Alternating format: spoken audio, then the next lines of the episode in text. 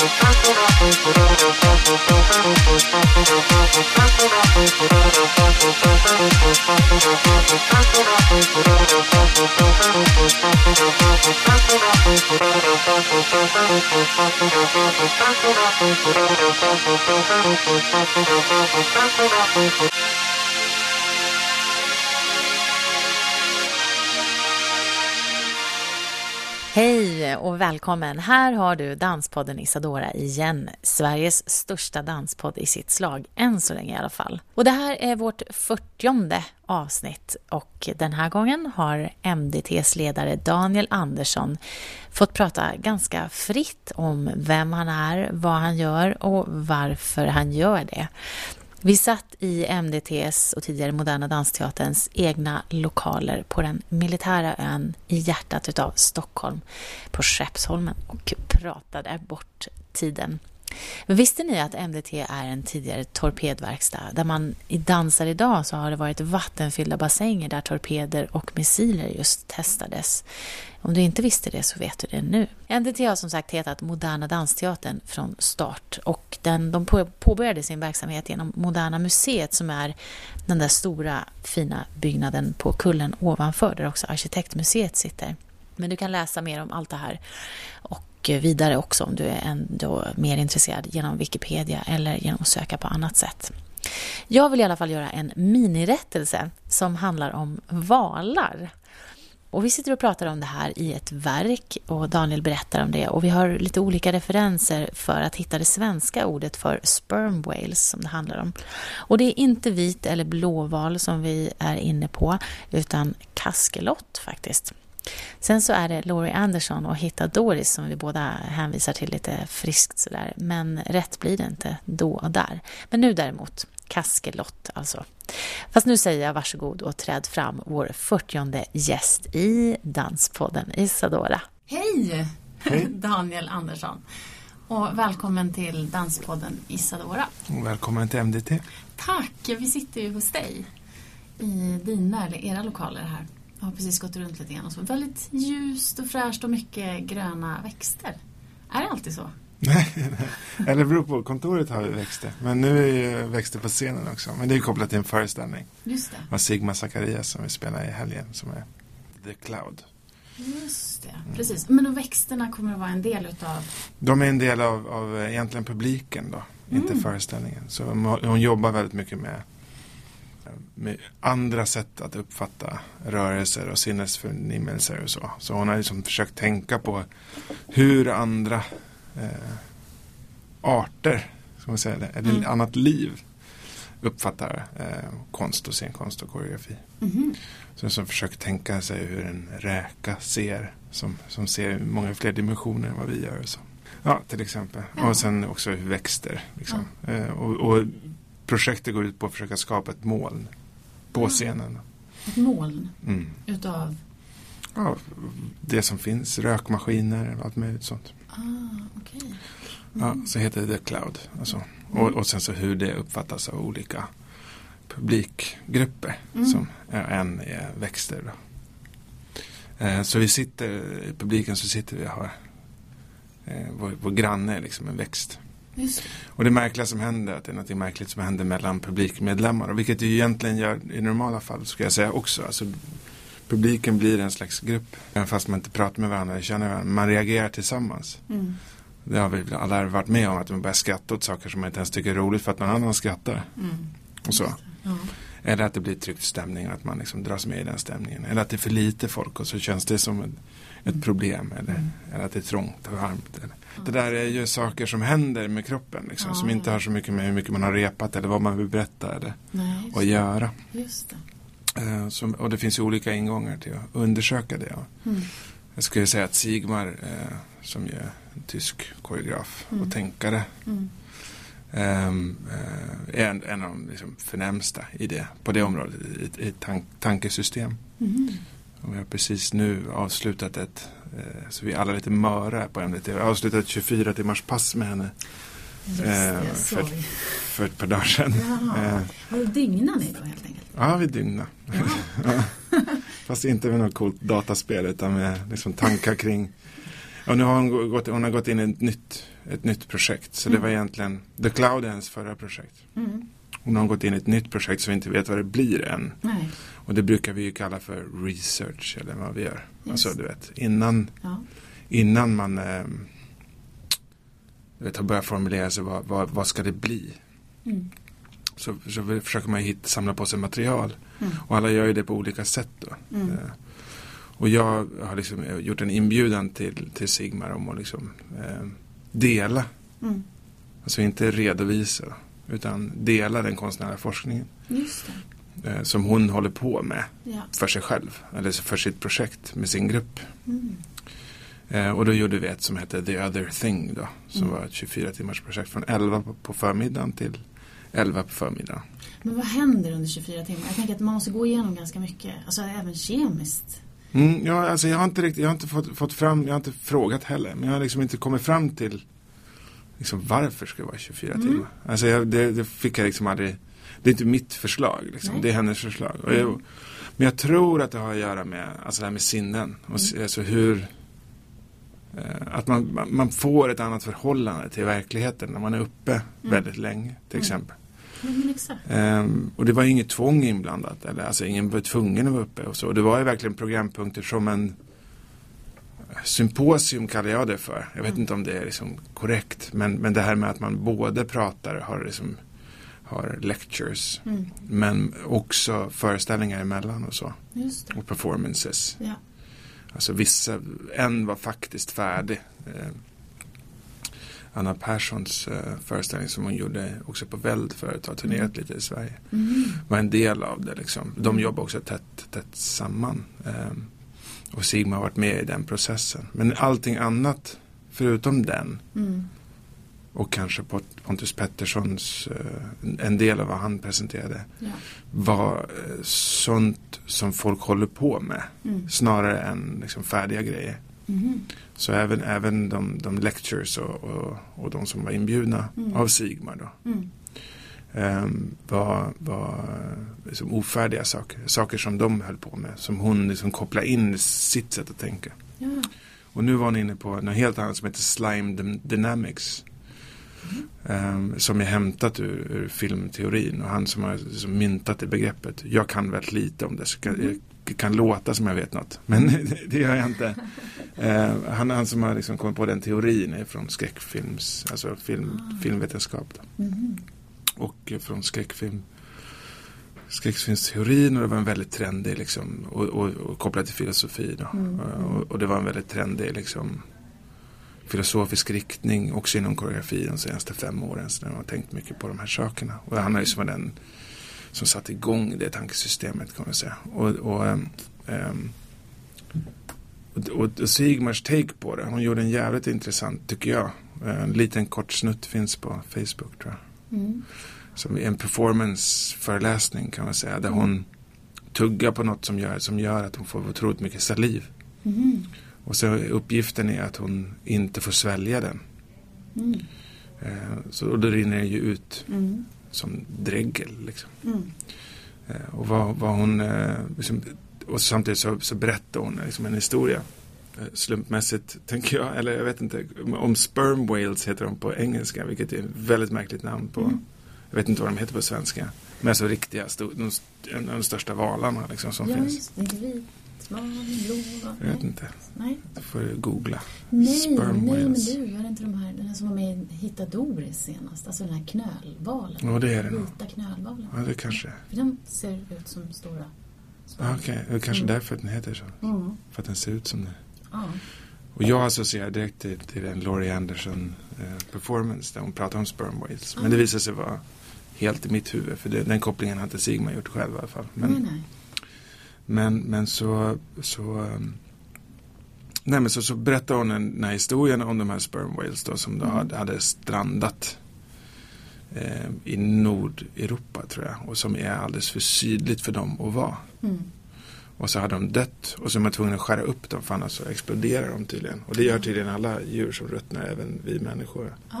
Men det är en ganska dramatisk sak när det är liksom en jätteval. Ah. Så, så att, och så berätta den historien som är ganska gory. Mm. Eh, samtidigt som det liksom rinner eh, dregel kan man säga, med saliv. Ja. Eh, vilket är otroligt intressant för det är ungefär samma sak där. För det öppnar ju, man lyssnar på ett annat sätt. Man Ja. kopplar ihop det kroppsliga med, med, det, eh, med det fiktionella. Liksom, med, Mm. med bara tankesystemen som hon liksom levererar med ord. Mm. Och det kroppsliga för hon liksom sitter och hon är väldigt, liksom, det är koreograferat men hon är väldigt engagerad Mm. i sina rörelser. Så Vilket gör att när man är engagerad och sitter ner så rör man benen om du har tänkt på det. Och man, och så, så man sitter och gör väldigt engagerat samtal. Och samtidigt som det rinner, Ja. eh, rinner dräggen ner på en lite för fin skjorta. För då Mm. blir det ännu mer dramatiskt på något Mm. sätt. Ehm, och, eh, och så berättar hon den här historien. Och, det, och, och att vad det gör för mig i alla fall så kop, det kopplar för fler centra än hjärnan. Alltså man, jag kände liksom äck, äckel inför eh, det där dreglet. Och medan andra kände, alltså vissa kände att det liksom producerade saliv i deras mun. Liksom och sånt, I relation. Alltså, så gör vi, så hon gör det där som hon håller på att jobba. Mm. Och det varar liksom en timme kanske. Och sen så är det nästa grej. Eh, efter en liten paus så är det något annat samtal och sen så är det någon föreställning och sen så höll det på så. Mm. Och så var det ganska snyggt upplagt liksom, dramaturgiskt. Dygnet då. För det var ju eh, Mårten Spångberg körde på natten. Mm. Eh, och han har ju gjort den här långa föreställningen natten också. Han är ju inne i, i tankesystem där, där det handlar om att publiken sover. Apropå också växterna. Alltså det här med Ja. att man, att man att, att man, man uppfattar saker på ett annat sätt när det blandas. Det gör det ju alltid. När du ser någonting så, så blandas det med din drömvärld på något sätt. Eh, och dina erfarenheter och dina fantasier. Mm. det kan ju vara s- så banalt som att du liksom känner igen en dansare men kommer inte ihåg var. Och så sitter och tänker på det. Mm. Men det är ju din upplevelse. Det är ju inte så att grannen upplever precis det och så vidare. Men det blir en accentuering av det. Eller tvingar en att tänka på det om det är mitt på natten. Mm. Eftersom man somnar. Mm. Och så kanske man drömmer. Mm. Och så vaknar man och så håller man på och dansar. Och så vet man inte, vänta, drömmer jag nu eller? Ja. Du vet så. Mm. Och så, så och, och, ehm, vi gjorde ett ganska intressant projekt om det. Eh, Fick folk att skriva om det också. Skriva, blanda drömmarna. Och, Ja. Ehm, just för att få lite access till vad som händer i folks huvud. Men det kan Mm. vi prata om sen. Då. Mm. Koreografi, kritik, verkstad. Som vi är. Exakt, jag såg det. Man kan anmäla sig till den. Ja, nu har vi, gör vi andra omgången av det. Just det. Ja, och det här var från förra omgången. Ja. Men i det här sammanhanget så gjorde Mårten Sitter han och pratar i en mikrofon Mm. med sin allra eh, sammetslenaste röst. Mm. och, så, och så pratar han lite för långsamt och i, liksom i takt. Alltså han har någon form av så att han säger, så som jag uppfattar det, att Mm. han liksom han säger det men istället för att liksom avsluta meningen så tar han en liten paus. Mm. Och sen avslutar han meningen. Mm. Vilket blir som så här väldigt sövande. Och detta här gjorde han början med klockan två på natten. Då. Mm. Eh, och så låg alla ner och lyssnade. Och han hade ett ljus tänt och sen så är det lite ambient musik på det. Mm. Så, så alla, eh, jag, jag tror också, min gissning, jag har inte pratat med honom, är att han liksom höll på tills alla sov. Ja, så. liksom, han, han höll på, för jag, jag, jag tror det. Ja. För jag somnade nästan direkt. så, så jag, det, var min, det är min teori. Men sen, sen hade jag mitt, nu var jag ansvarig också, vi hade delat upp liksom i pass. Så att en av oss hela tiden var vakna här på MDT, liksom, Mm. personalen. Mm. Och jag hade liksom mardrömspasset från klockan fem till, till klockan nio på morgonen. Så jag, så jag var ju tvungen att vakna sen. Så jag vet inte. Men, men sen eh, vaknade de andra till, fan heter hon, Daniela någonting som heter Baba Electronics tror jag heter. Okej. Som är en eh, DJ och kompositör som jobbar nära koreografen Ulla Sickle som Mm. är tysk koreograf som jobbar i, i Belgien. Mm. Eh, som har gjort ganska så uppmärksammade föreställningar. Hon har inte varit här än. Eh, men hon, hon, den här DJn då, Baba Electronic tror jag att hon heter. Det kan vi dubbelchecka. Mm. Eh, hon har en praktik som, eh, som går ut på att man, som heter Cave Music. Mm. Tror jag också. Jag låter som jag har full koll. Det här är alltså Mm. Sigmars program, inte Mm, mitt. Så att mm. jag har för en gångs skull inte full koll. Vilket är min stora övning. Mm. Men, men eh, så hon körde remixade väldigt, väldigt kända låtar.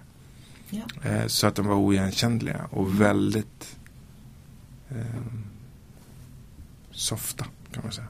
Ja. Så hon liksom väckte folk med ett DJ-session kan man säga. Så man låg ner, för eh, somatic eh, DJing mm. for horizontal audience eller något sånt där heter mm. det.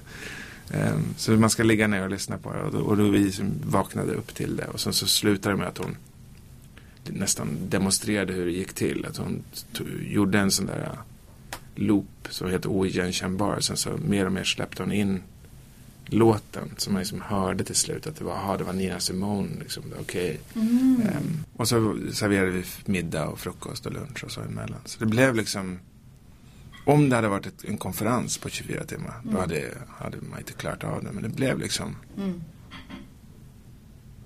Det var som man fick, fick energi mellan dem. Alltså F, ena grejen gav energi till den andra. Och, det var, och, och alla på något sätt som jag uppfattar i alla fall liksom, utnyttjade den situation de hade till max. Som mm. Mårten liksom skulle, skulle få folk att somna. Inte, du vet, mm. Motsatsen hade ju varit mycket, mycket svårare för folk att vara superintresserade av vad han har att säga mm. klockan tre, fyra på natten. Liksom. Just det.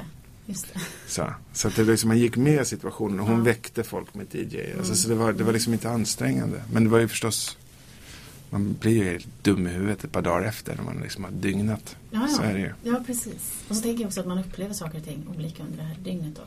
Eh, alltså beroende på vilken tid på dygnet det är och vad man, vad man har upplevt innan och vad man, är sig, vad man är i för form precis då. Så är det ju. Och, eller man är... och sen det roliga med det, det dåliga och det, det bra med det. Jag vet inte om det är dåligt egentligen. Men alltså jag upplevde det som det var verkligen en helhet som det ena eh, gav mening med det andra. Mm. Kanske inte så himla mycket i sig själv. Mm. Um, och jag uppfattar det som, det var ju många, det var några, jag ska inte säga många, men det var några som reste dit för att vara med om det här. Mm. Och de var ju med liksom hela passet förstås. De var ju som ja. åkte från ja. Österrike och Berlin och så för att liksom eh, vara med. Och mm. de var ju med hela, men de som var i Stockholm var ju förstås så här, du vet, ska hämta barn eller hade middag emellan eller ja. passa på sig en konsert. Och det var Väld hade också en föreställning så folk kom och gick. Och, ja, okay. alltså det, så gjorde, man designade inte för de här 24 timmarna? Nej, nej, men de kunde komma och gå. Men jag mm. tänker att det gav mer mening tror jag. Speciellt mm. om man var från början. För Sigman körde ju sin grej när mm. jag berättade om Just det. med valarna. Det gjorde hon precis det första vi gjorde. Först hade vi introduktion och jag berättade om varför jag bjöd in henne. Mm. Och sen så tog hon över och berättade om vad hon försöker göra. Mm. Och så, så gick det över i att hon började dregla som fan. Mm. Uh, och jag tänker att alltså, läst genom det filtret så, mm. så, så, blir alla de här skräckfilmsföreläsningar och vad Mårten gjorde och uh, vad Pontus håller på med och, och, vad Anna håller på med blir liksom får en annan innebörd än för, för jag, jag, kan tycka att det och jag lider av det kanske mest av alla men jag kan tycka att det är ett problem ibland. Mm. att, det, att, att konsten uppfattas så isolerat. Att man liksom följer att man inte placerar saker i relation till andra saker. Mm.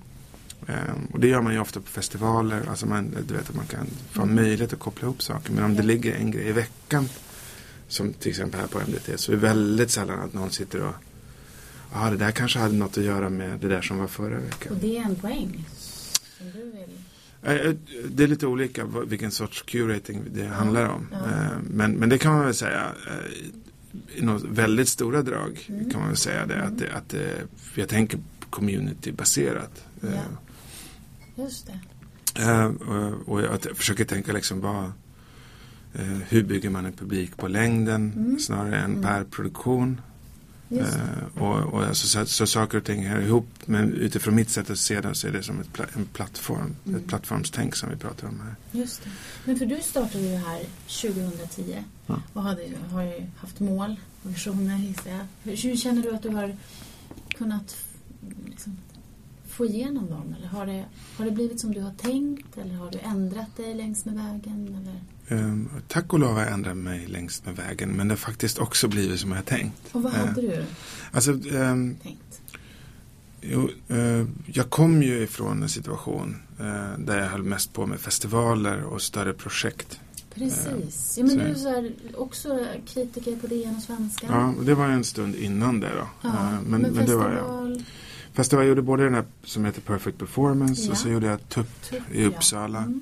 Um, och sen så gjorde jag en, en masterutbildning som nästan var designad som en festival. Också mm. avslutades som en festival som heter Autonoma skådespelare. Ja. Um, och väldigt många av de projekten um, som jag uppfattade kund, blev som tomtebloss liksom. Mm.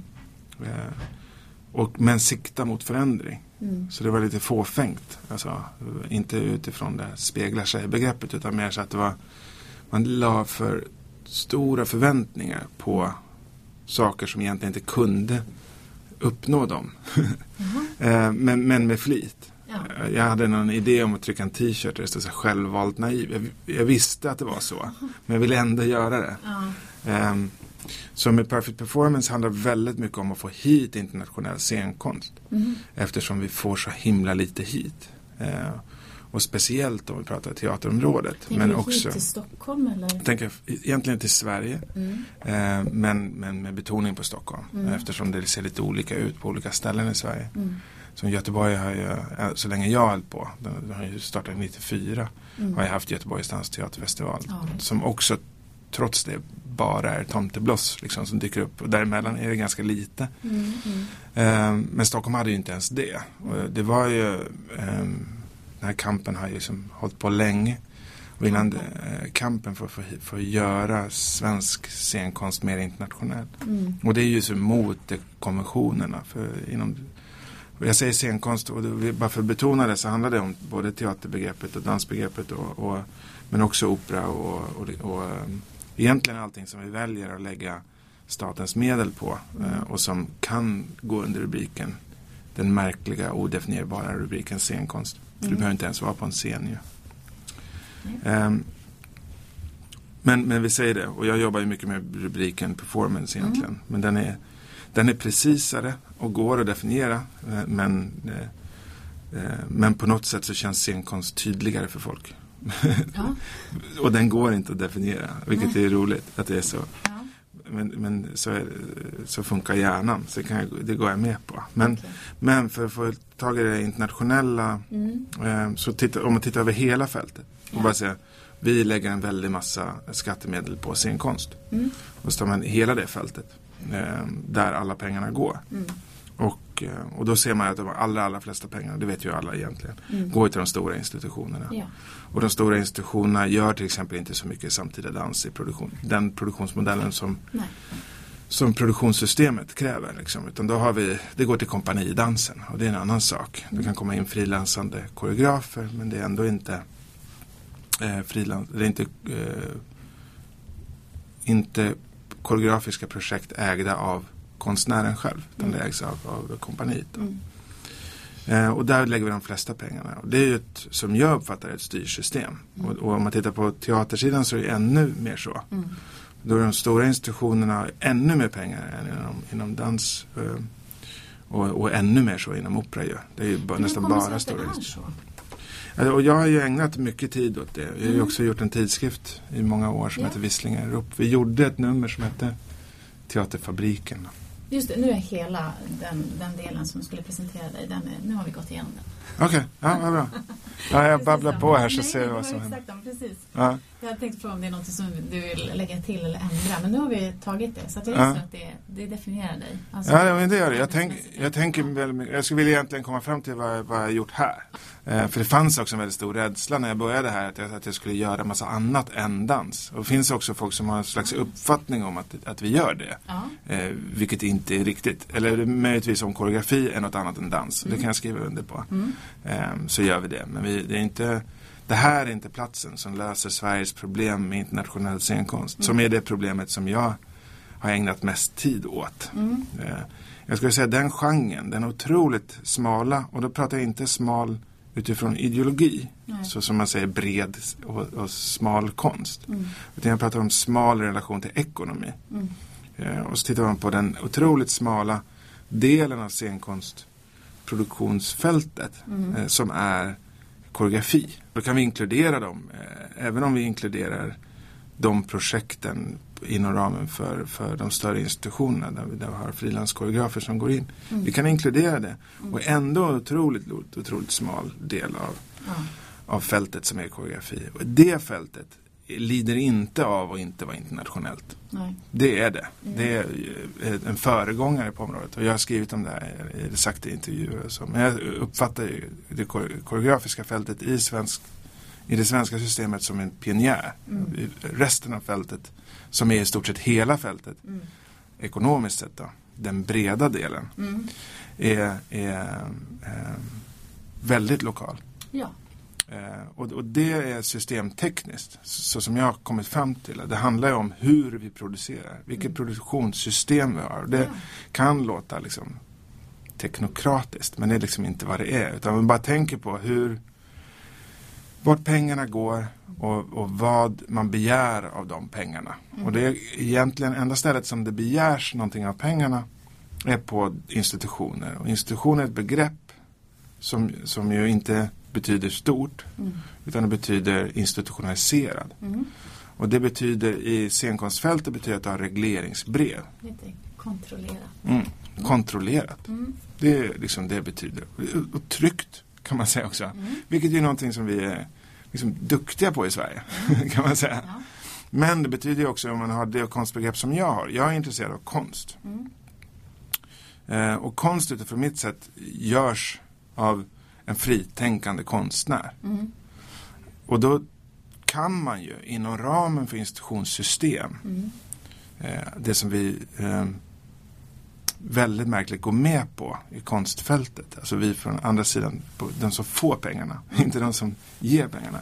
Vi på den här sidan av konstfältet accepterar en oskriven regel mm. som kallas för armlängds avstånd. Som är att Eh, våra politiker, mm. de förtroendevalda, folkets förlängda arm, mm. ska hålla eh, sina eh, kladdiga fingrar borta från innehåll. Vilket är oskrivet. Mm. För det gör de ju inte. Om du läser regleringsbrev så de bryr sig om innehåll. Mm. Det står ju att man ska göra svensk dramatik. Det står, det står ju massor med saker där. Mm. Så de, så, men, men armlängds avstånd betyder att de konstnärliga ledarna på de stora institutionerna som får regleringsbrev ska får tolka de där. Och sen är det återrapporteringen som avgör mm. om hur stödet ser ut nästa år. Det är liksom armlängds avstånd. Men det är inte skrivet vad det betyder. Nej. Och det appliceras ju på olika sätt. Och nu har vi regionaliseringen också. Alltså det som gör att mycket av, av uh, pengarna portioneras ut i Sveriges regioner. Mm. Vilket gör att det, pengarna kommer närmare och närmare politiker. Mm. Och vi vet ju vad som händer inom politiken. Inte bara i Sverige. Mm. Så det här är ju en enormt stor fara som vi står inför. Mm. Och då har vi, och den faran ser inte jag lika stor inom koreografifältet. Också av den anledningen att vi har inte regleringsbrev. Eh, vilket ju är, gör att vi kan vara föregångare. Och vi kan ta de besluten som gagnar konsten. Ja. Och, och, vi, och sen har vi olika uppfattningar vad som gagnar konsten. Ja, just det. Eh, och, och, då, och, och då kan man komma in på vad jag tror eh, vi behöver. Och vad tror du att vi behöver? du behöver inte göra revolt alltså med andra ord. Utan... Absolut inte. Jag var ju i ett område. Jag, jag var opererad i det jag tyckte att det behövdes som mest. Mm. Och det är på teaterfältet. Ja men det var det jag tänkte. Ja. Då kommer det sig också att du har bytt eller, ja. eller vad man nu ska säga. Ja, jag tycker inte att jag har bytt. Jag Nej. har bytt systemtekniskt. Har jag bytt. Ja. Eh, vad jag gjorde förut. Mm. Eh, och det är där folk liksom man geggar ihop sig mm. i hjärnan, kategoriserar fel i relation till vad jag försöker göra. Ja. Om man tänker dans och teater. Ja, det um, ja. Uh, som, som jag sa nu, det är klart att det är två olika genrer och det, de gör olika saker och vill olika saker kommer från olika traditioner. Men om man bara tittar systemtekniskt mm. så är det olika produktionssystem. Och vad jag gör, jag lirar ju med produktionssystem. Mm. Och, de, och de är gjorda för att effektivisera konsten. Mm. Och i det här fallet då danskonsten. Det står ju i stadgarna på Moderna Dansteatern. Så vi gör ju ingenting annat. Och nu säger jag Moderna Dansteatern, vi heter ju MDT. Mm. Men stiftelsen heter ju Moderna Dansteatern och det är ju inte ändrat. Eh, och det går inte att ändra heller för det är en, en stiftelse. Mm. Eh, och i stadgarna står att vi ska främja danskonsten. Och det är det vi gör. Jag har ett uppdrag av styrelsen här mm. Att främja danskonsten. Sen så har jag lagt upp en teori om, om hur vi stödjer den bäst. Ja, hur gör ni det? Ja, utif- och då kommer vi till det här med plattformstänket. Då. Ja. så, ja, ja. Mm. Blir det matt eller? Jag bara så här, nu, nu är vi där och sen så bara så här konkret då. Mm. Hur upplever du hur gör ni? Och hur kommunicerar ni det ut? Och hur vill ni uppfattas mm. Utåt sett? Ja, det är väl, um, Det är tre jättestora frågor. Ska, ja. vi, ska du hålla kvar i dem eller ska jag försöka göra det i min... Du, du kan, äh. Jag kan hålla kvar i dem, ja. men, men var vill du börja? Vid jo, men det viktigaste är så här, ja, men det är så, jag kom ju ur det där, stångades eh, väldigt mycket med det jag tyckte det behövdes som mest. Och det handlar alltså om eh, också där det var mest omöjligt. Mm. Vilket är på teaterområdet i Sverige, mm. i det svenska systemet. Mm. Eh, vilket betyder öppna upp institutionerna, få institutionerna att göra göra festivaler, eh, ha workshops, eh, göra saker som inte är produktionsinriktat. Inte börja tänka på hur når vi en publik utan börja tänka på vad, mm. hur stödjer vi konsten. Mm. Alltså eh, att man tänker utifrån konst, mm. inte utifrån regleringsbrev. Nej. Vilket ju är nästan omöjligt eftersom pengarna är styrda av regleringsbrev. Mm. Så du går emot ett system när ja. du gör som, ja. så. Vilket då betyder, och det gjorde jag genom att göra festivaler, för att väldigt många personer i det här systemet, nästan alla personer mm. i det här systemet, är ju intresserade av konsten mm. och är själva fångade i det här systemet. Mm. Så när det kommer en jag med en som jag, eh, som, som kommer med sig, men vi provar så här, då kanske vi kommer runt systemet lite. Då vill ju de flesta vara med. Mm. Det är inte så att man går emot ett system och så har man massa motstånd. Uppfattar det som helt tvärtom. Ja, Men du går ändå mot ett system. Ja. Vilket gör att du, du får bara små pengar eftersom mm. alla stora pengar är redan uppbundna mm. och så vidare. Och så vidare. Mm. Uh, men i dansfältet så finns det nästan inga pengar. Alltså om du jämför. Uh, så finns det nästan inga pengar. Uh, och det finns nästan inget system. Det har kommit in otroligt sent i, i svensk teaterhistoria. Mm. Ett system, stödsystem för fria, fria koreografer. Um, mycket senare inom, inom det som kallas för, för fria grupper mm. på teatersidan. Mm. Uh, och det är en massa nackdelar med det. En av dem är att det är mycket mindre pengar. Mm. Eftersom det mesta var upplåst redan. Så var man tvungen att, liksom, det kommer inte nya pengar. Det handlar om att uh, tjänstemän och politiker måste vara smarta med det som redan finns. Um, och sen har jag gjort utredningar och det har gjort liksom stödsystem under tiden som har gjort att det lagts lite till hela tiden. Mm. Men vad man inte har gjort, och tack och lov, mm. um, och, som gjorde att jag säga, bytte sida då. Mm. att man inte har byggt in sig mm. systemtekniskt. Um, men man var inte särskilt smart utifrån min uppfattning heller. Med det, den frihet man hade. Mm. Eller har. Uh, och vad jag ville då, som alla, alla pratade om samma sak. Mm egentligen under hela min scenkonstperiod. Jag tänkte säga, jag håller inte på så mycket med dans. Därför det är inte problem, det problem som jag identifierar som det största. Mm. Dialog händer på dansfältet. Vi har Dansens hus, det kommer gästspel. Det, det finns eh, eh, utbildningar där, man liksom, där det kommer in gäst, eh, gästlärare. Och, den typen av dialog, om man jämför det med, med, jämför med hur Danshögskolan var med, med hur DI var till exempel, mm. eller, eller Teaterhögskolan, så en väldigt, väldigt skillnad i uppbyggnad och är fortfarande idag, även fast, även fast eh, utvecklingen har gått åt rätt håll på båda ställen då, mm. men mycket längre på dock. Mm. Så, så, eh, och det har liksom startats initiativ som internationella dansprogrammet och gjort eh, internationella dansutredningar. Det har lagts till pengar för internationalisering. Alltså det har hänt väldigt mycket. Mm. Men det, jag uppfattar det ändå som att det var ganska världsfrånvänt. Det var liksom att man man släckte, släckte, släckte eldar. Liksom. Mm. Det uppstod ett problem och så, så, löste man det problemet. Istället för att tänka vad, vad behöver systemet? Mm. Vad, vad, vad, hur ska vi tänka? Mm. Eh, och, och, utifrån det så, eh, och med, med, all kompetens från, från eh, festivaler men också rest mycket internationellt och ta reda på hur folk väljer att göra. Mm. Så identifierar jag som problemet som ett egentligen. Mm. Eh, vi spelar för lite. Det är alldeles för få som ser. Mm. Även, och det är bra och dåliga produktioner, det spelar ingen roll, men alla spelar för lite. De uppnår aldrig sin potential. Nej. Eh, och det här var inte något problem som jag gick omkring och liksom identifierade för att jag är så jävla smart. Det här pratar ju alla om. Liksom. Ja, ja, precis. Men det här har varit en av ja. dina hjärtefrågor. Ja, ja, så är det ju. Ja, framförallt på, på dansområdet då. Mm. På, på teaterområdet är det precis tvärtom. Ja. spelar man ju för länge. Och, och eh, alltså det betyder inte att folk inte ska spela länge. Det betyder att de släpper inte in några. De ockuperar ett rum i sex månader med en grej. Och sen så åker de inte ens till Göteborg och lirar den. Det är ju jättekonstigt. Hur kommer det sig att det fortfarande är så?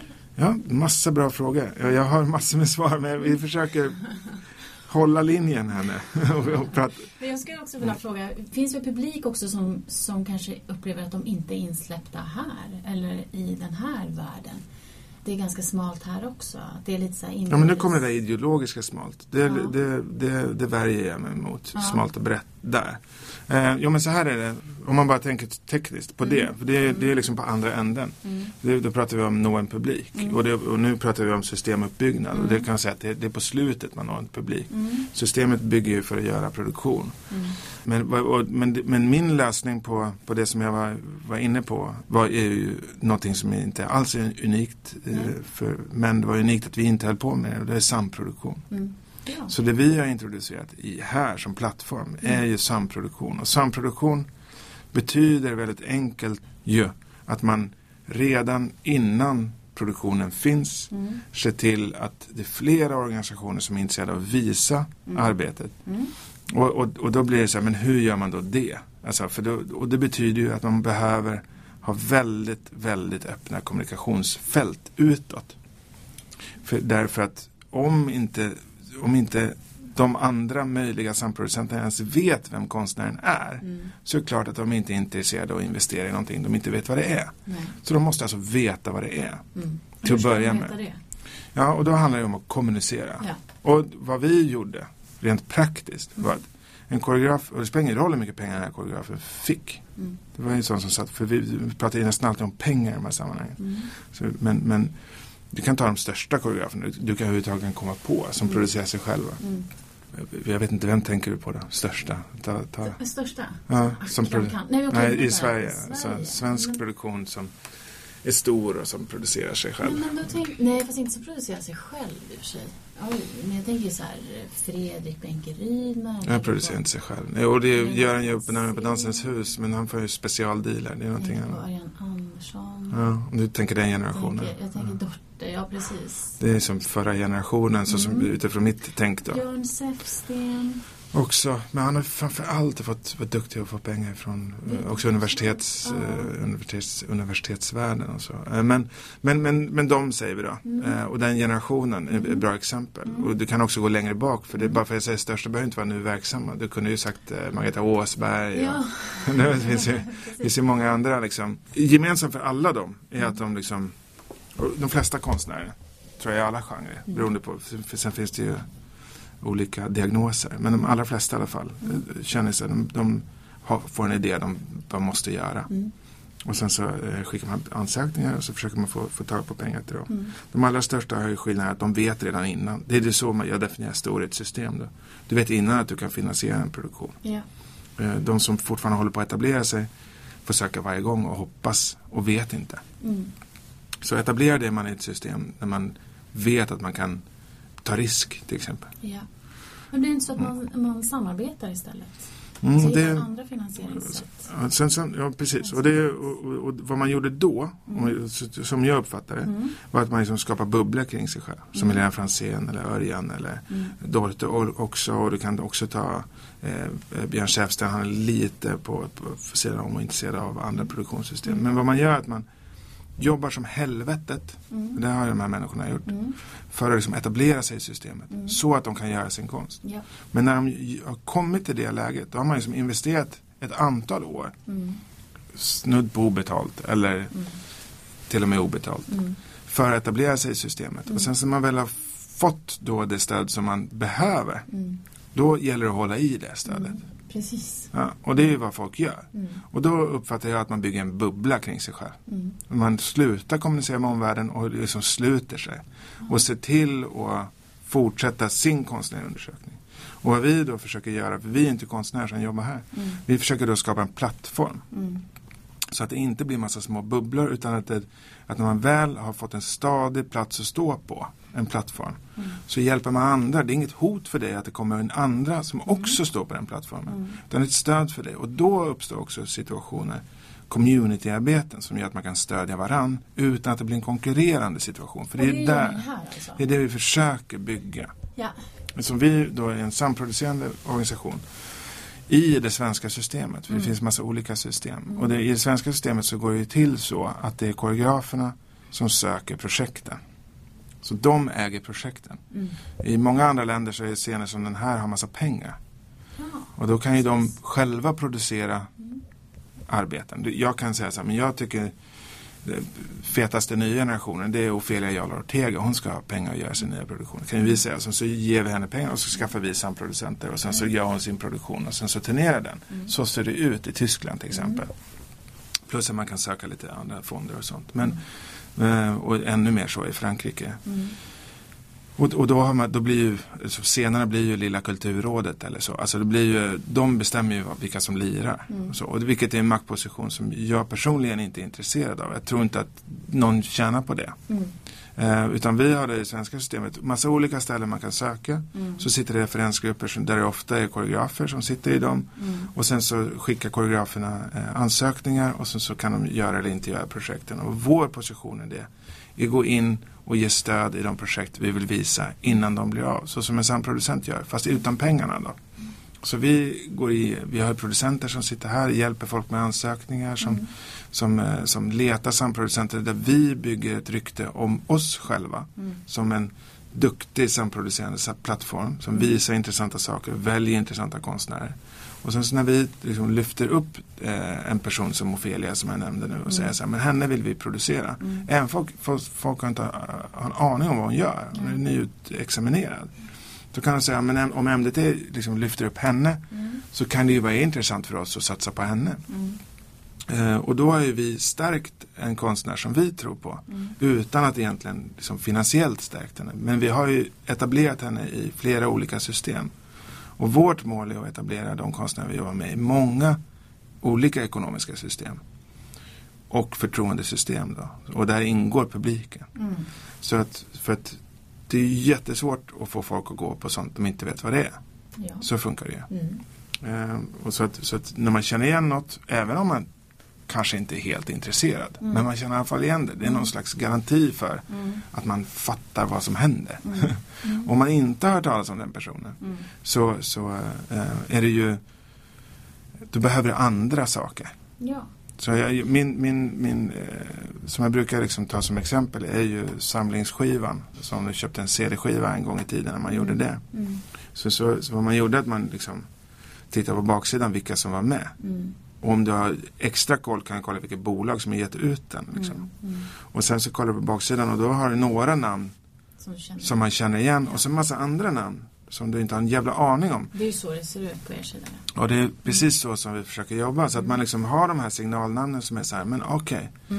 Um, ehm, för då tänker man så här, okej okay, om det är två namn jag känner igen och det råkar vara eh, D'Angelo, D'Angelo och Lauren Hill. Och jag vet att de lirar, det är så här neo-soul-grejen. Mm. Hmm, det kanske resten är det också. Mm.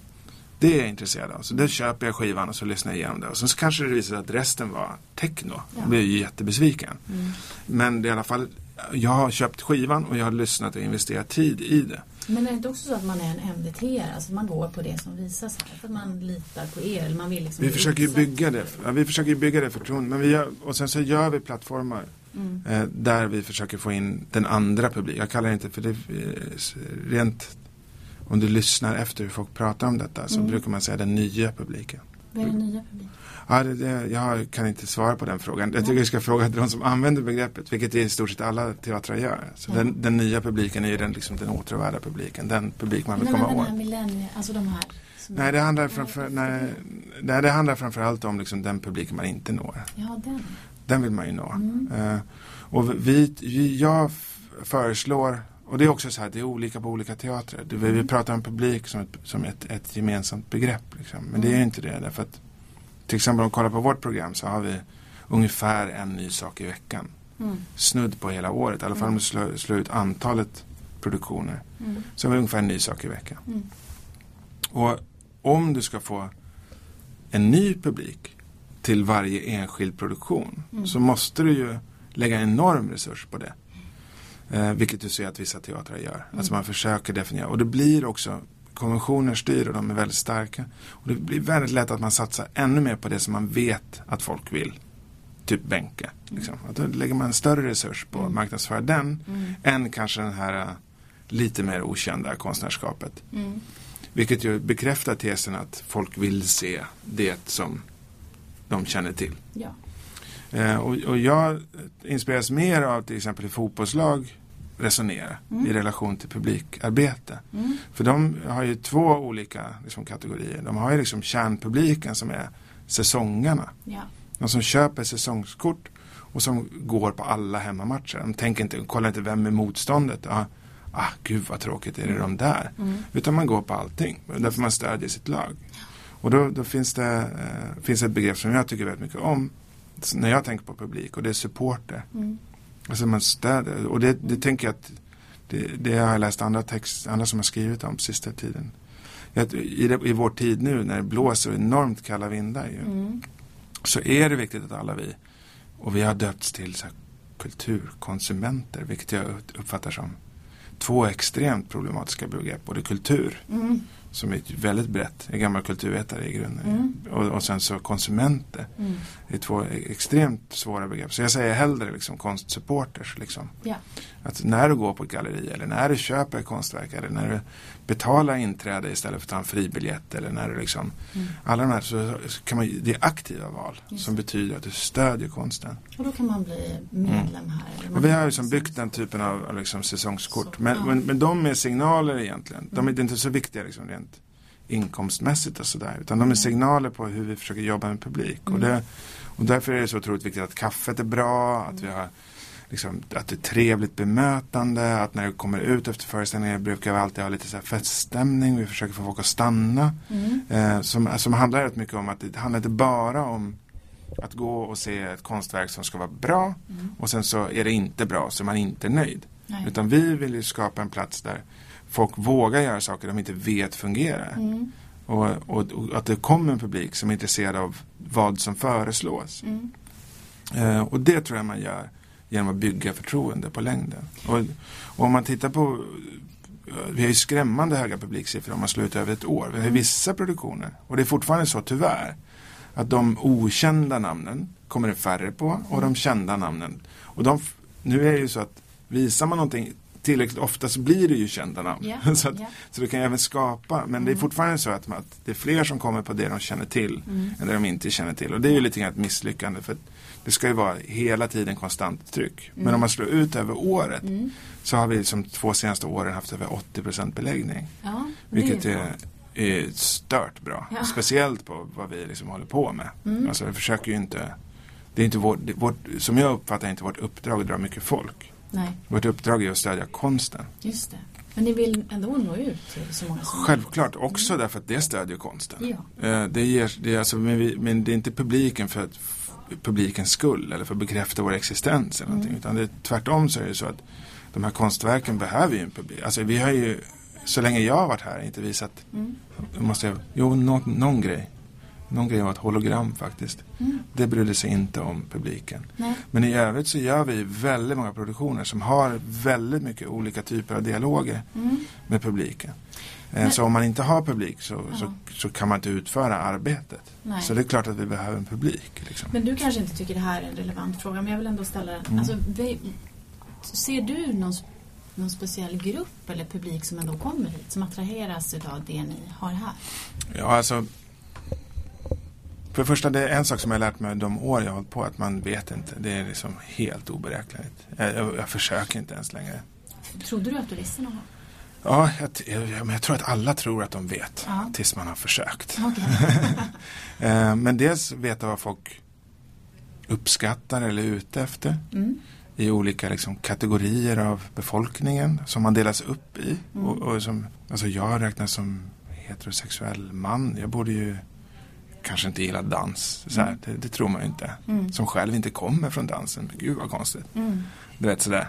Um, det finns massa sådana liksom, tankesystem och så tänker man att folk som bor i förorten vill ha någonting visst och man tänker så att om man eh, kommer från vissa kulturer vill man ha någonting annat och om man är kvinna vill man ha si eller om man är psykolog vill man ha det så. Mm. Alltså det där publikgruppstänket. Mm. Eh, och det, har jag uppfatt, det uppfattar jag som när jag försöker göra det. Och när man tänk, bara tänker på sig själv. Mm. Så när, alltså, att gå på någonting som man inte vet vad fan det är mm. är ju jävligt mycket mer spännande egentligen än att gå på någonting som är nästan det man gillar. Men inte riktigt. Som jag ville gå på Leonard Cohen och min morsa köpte en biljett till liksom Bob Dylan. Det blir liksom Det är ju nästan rätt men det är också jävligt fel liksom. Ja. var typ min tråkigaste kväll någonsin. Mm. och det gäller om man tänker flytta över det på liksom, jag är rätt picky vad gäller mina svarta t-shirts. Liksom. Det kan man ju tycka, jag kan ju köpa vilken jävla t-shirt som helst. Men jag är rätt picky på vilken typ av mm. krage eller hur den sitter. Så, så om någon bara tänker så här, men jag köper en svart t-shirt. Mm. Alltså du har, du antagligen mer rätt utan att köpa en med palmer på till mig. Därför det har jag inte. Gud, det kan vara roligt att spexa till det. Liksom. Mm, mm. Det är svårare att ge folk vad folk vill ha. Därför att vad du gör då är att du förutsätter eh, deras erfarenheter. Mm. Och deras intelligens. Mm. Och om du ger någonting som du är intresserad av så har du jävligt mycket större chans att träffa. Och vad du träffar, eller vem du träffar, mm. är, är oberäkneligt. Och sen så är det ju så att vi, vad vi gör, vi bygger ju en community. Mm. Eh, så vi vill ju ha återkommande publik. Och bygger ett förtroende. Och den publiken, eftersom den är återkommande, kan ju jag definiera eftersom jag är här i stort sett varje kväll. Mm.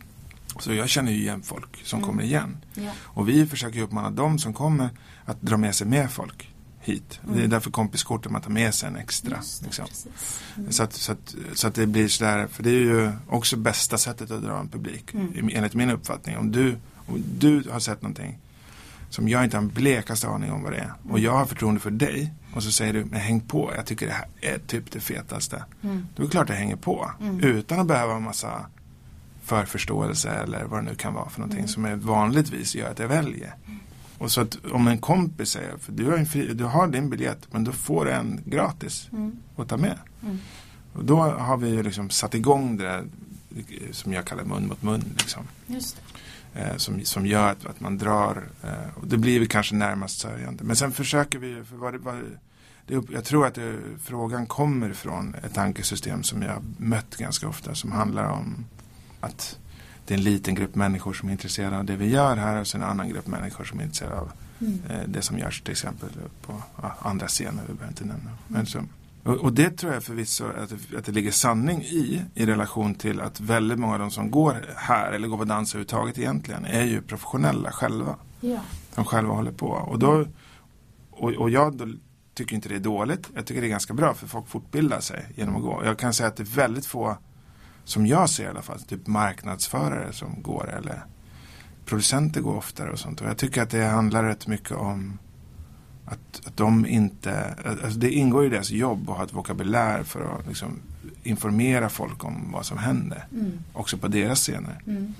Men, men den yrkeskategorin tänker sig hålla på med någonting annat än konst. Mm. Vilket gör att de inte fortbildar sig i konst. Vilket mm. gör att mycket av det som kommuniceras är inte irrelevant för det som händer. Till exempel så talar man om för folk vad folk ska känna om du tittar på det. Mm.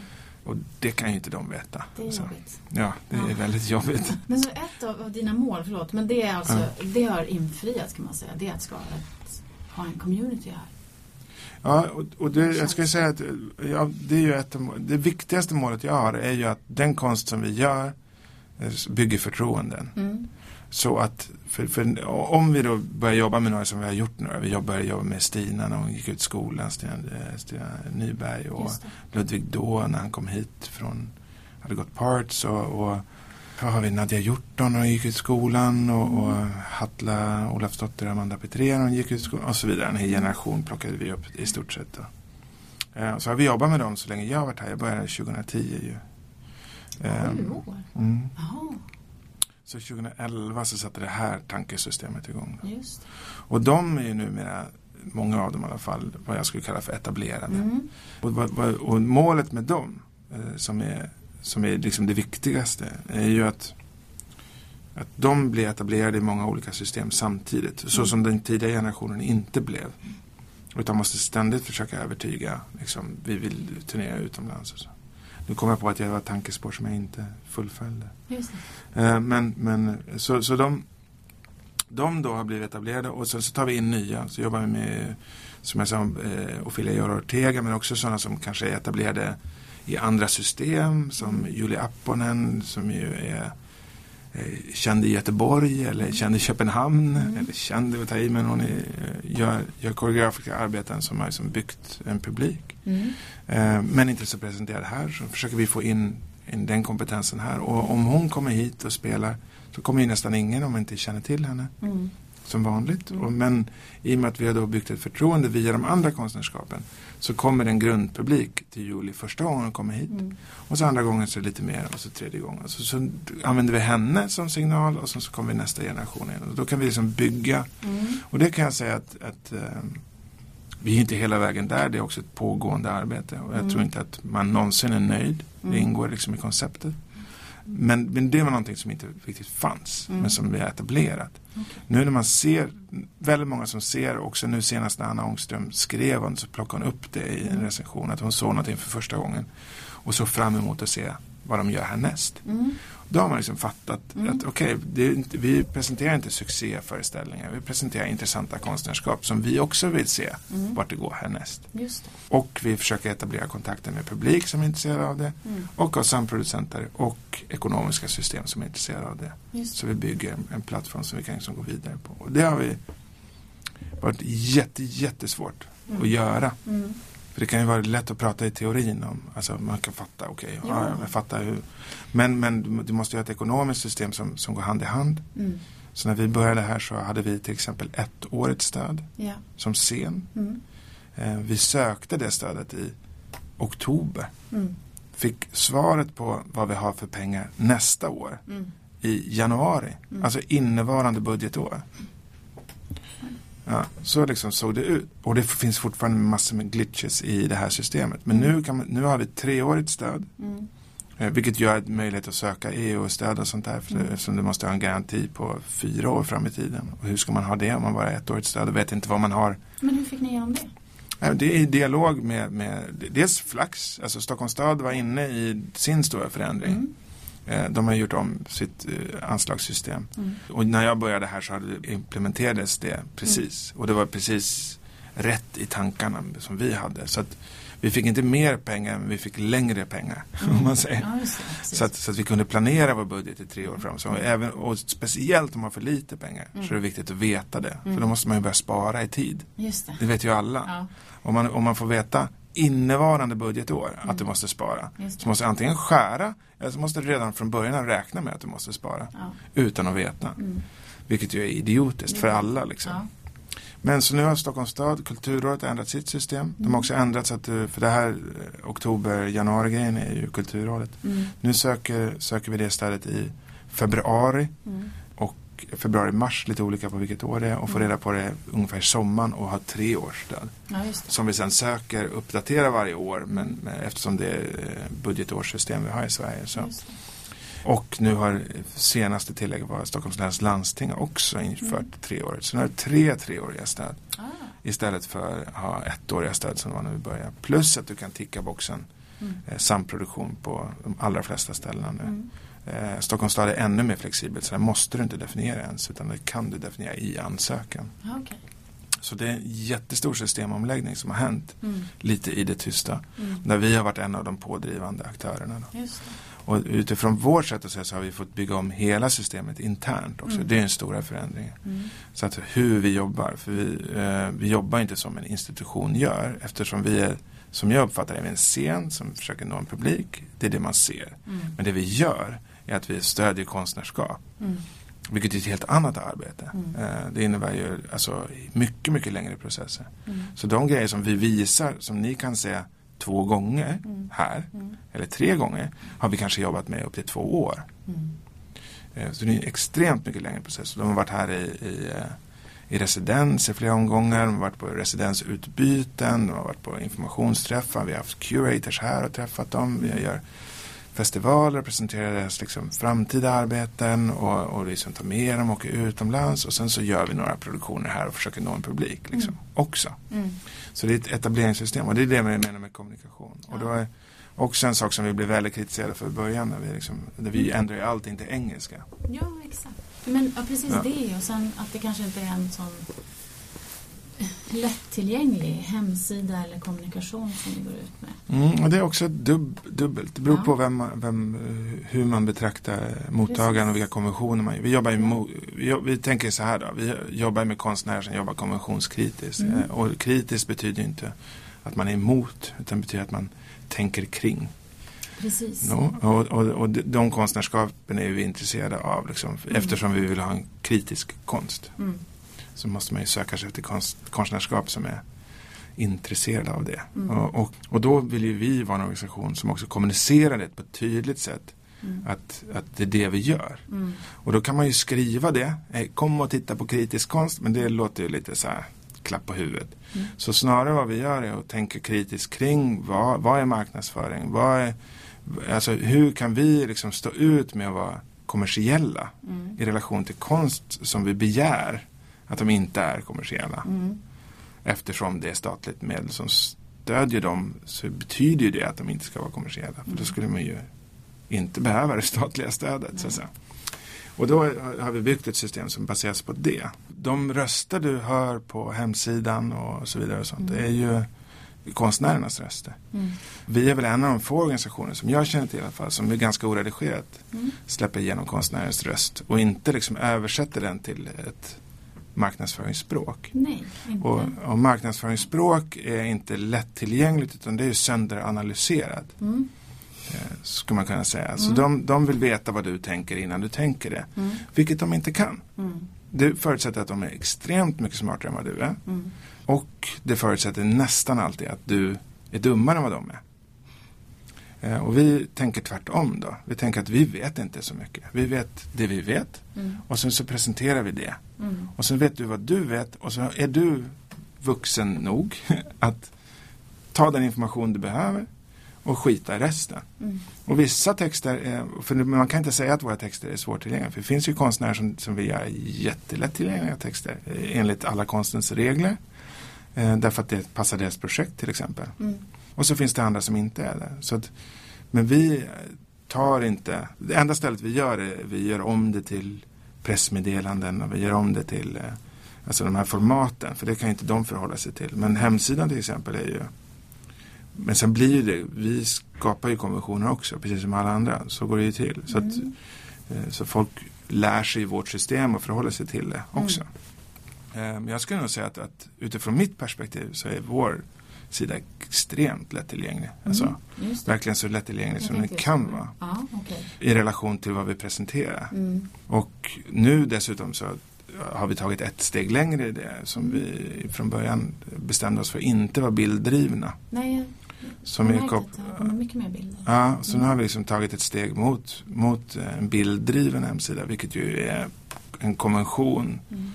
som jag tänker att vi så tydligt har gått emot. Mm. Eh, så att mm. när vi lägger till lite bilder så är det ett komplement till, till texten snarare än nästan alla andra när dans kommuniceras. Mm. Eh, till skillnad från andra konstformer. Mm. Så, så är det liksom bilder som driver på det.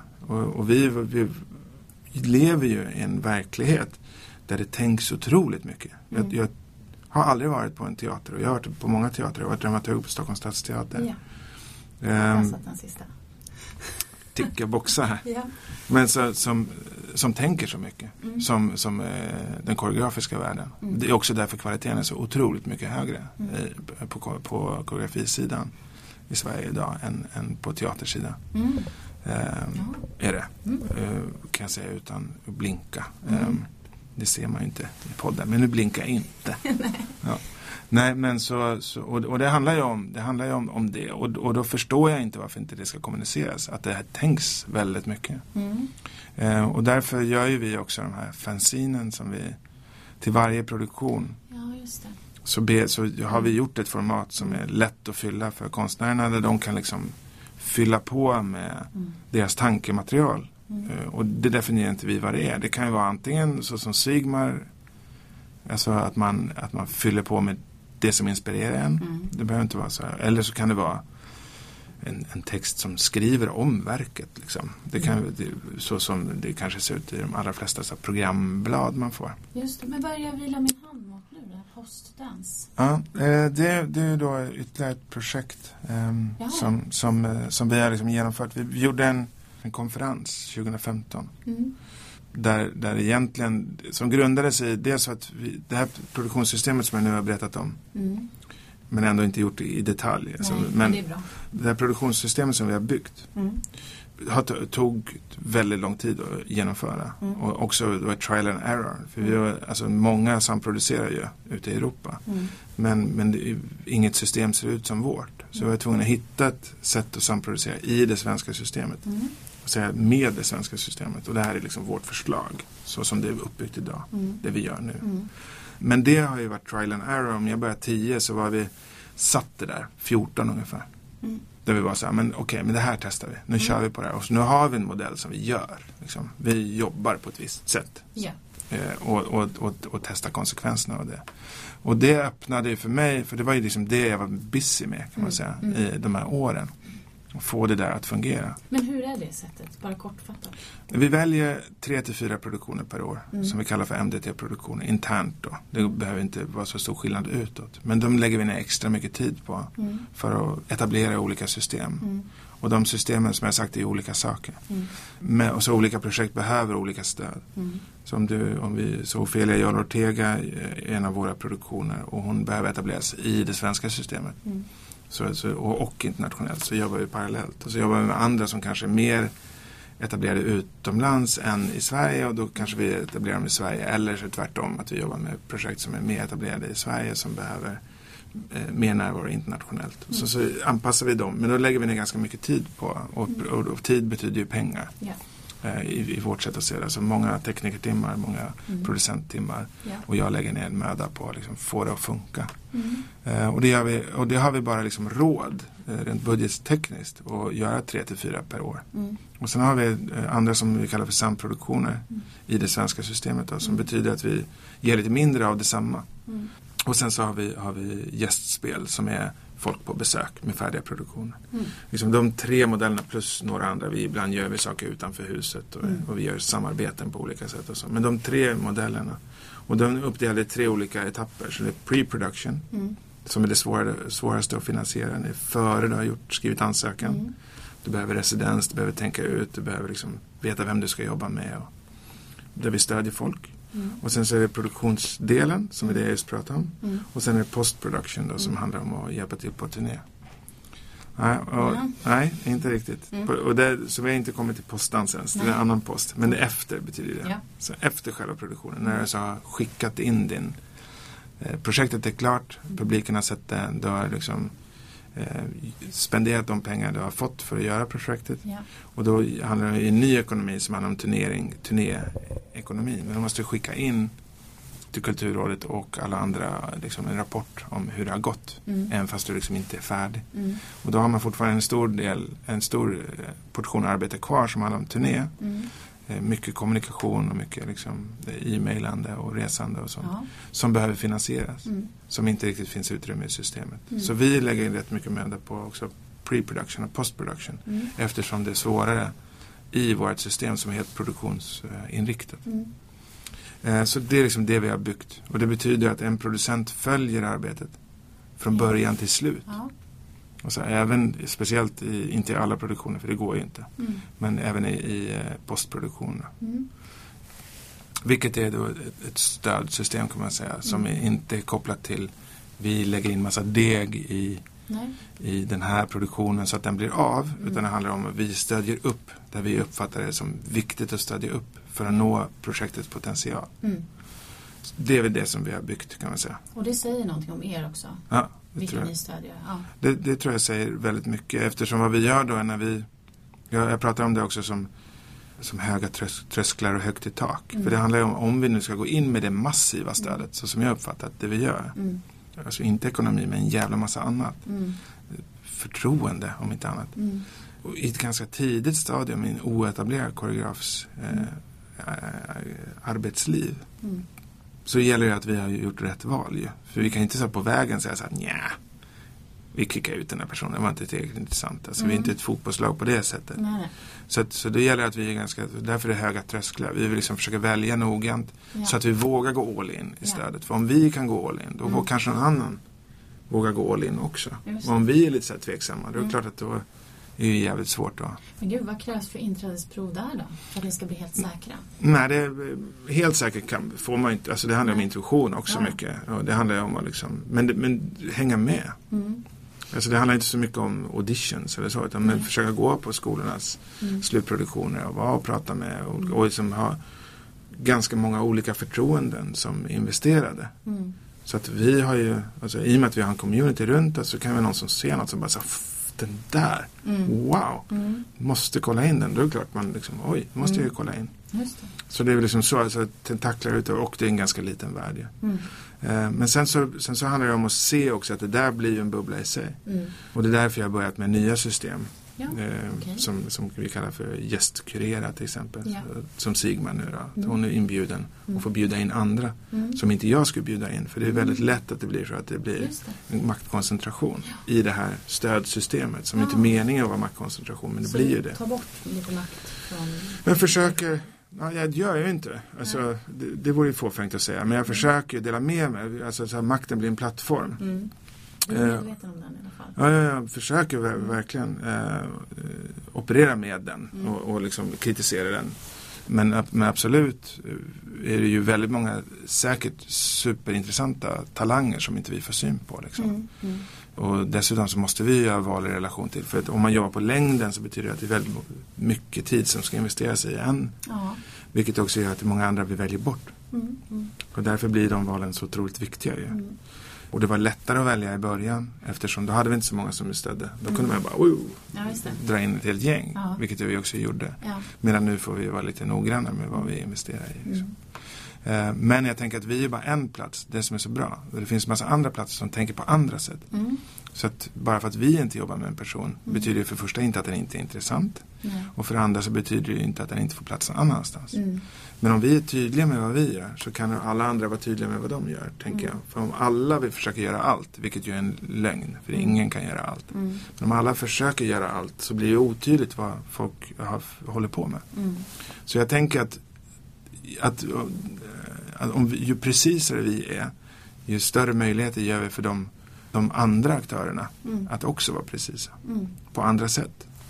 Ehm. Men samarbetar ni med de andra dansscenerna? Hur är det förresten i relation till Moderna Museet? Alltså hur mycket av det hänger kvar? Eller vad man ska säga? Ja, alltså vi är en samarbetande organisation så mm. försöker vi flexibel, vi försöker vara det i alla fall. Mm. Eh, så vi försöker hitta nya samarbeten hela tiden mm. Eh, och, och, utifrån konstens eh, premisser. Alltså försöka tänka vad behöver konsten? Ja. Och, och, alla regleringsbrev och alla policies och allting som händer runt omkring oss. Mm. Så vi ser det som, okej okay, nu riktar alla den energin, då kanske vi ska gå någon annanstans. Mm. Liksom, sådär, att, vi, att vi försöker liksom ja. Parera det som händer. Alltså Moderna Museet jobbar vi ju med. Mm. Det är ganska logiskt eftersom mm. vi är på ön. Yeah. Också Daniel Birnbaum är liksom intresserad mycket av livekonsten ju. Yes. Ett, och det är ju beroende på vem som är chef där, hur mycket det får plats. Yes. Men sen så är museer som konstruktion är väldigt, väldigt svårmanövrerade apparater. Liksom. Mm. Så det är väldigt, de har väldigt lång framförhållning bland annat, oftast som ligger som fyra år fram i tiden och det gör ju sällan koreografer som vet att de, vad de gör nästa år. Kanske, om de har tur.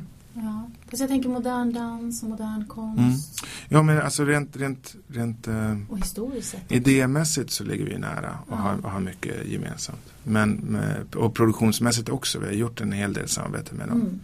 Mm. Eh, men som jag uppfattar så är det lättast att göra det på deras initiativ. Så att vi liksom bjuder in dem och har dem väldigt engagerade i vår verksamhet. Mm. Så de kan ta initiativ. Mm. Därför att av de initiativ så är vi flexibla. Mm.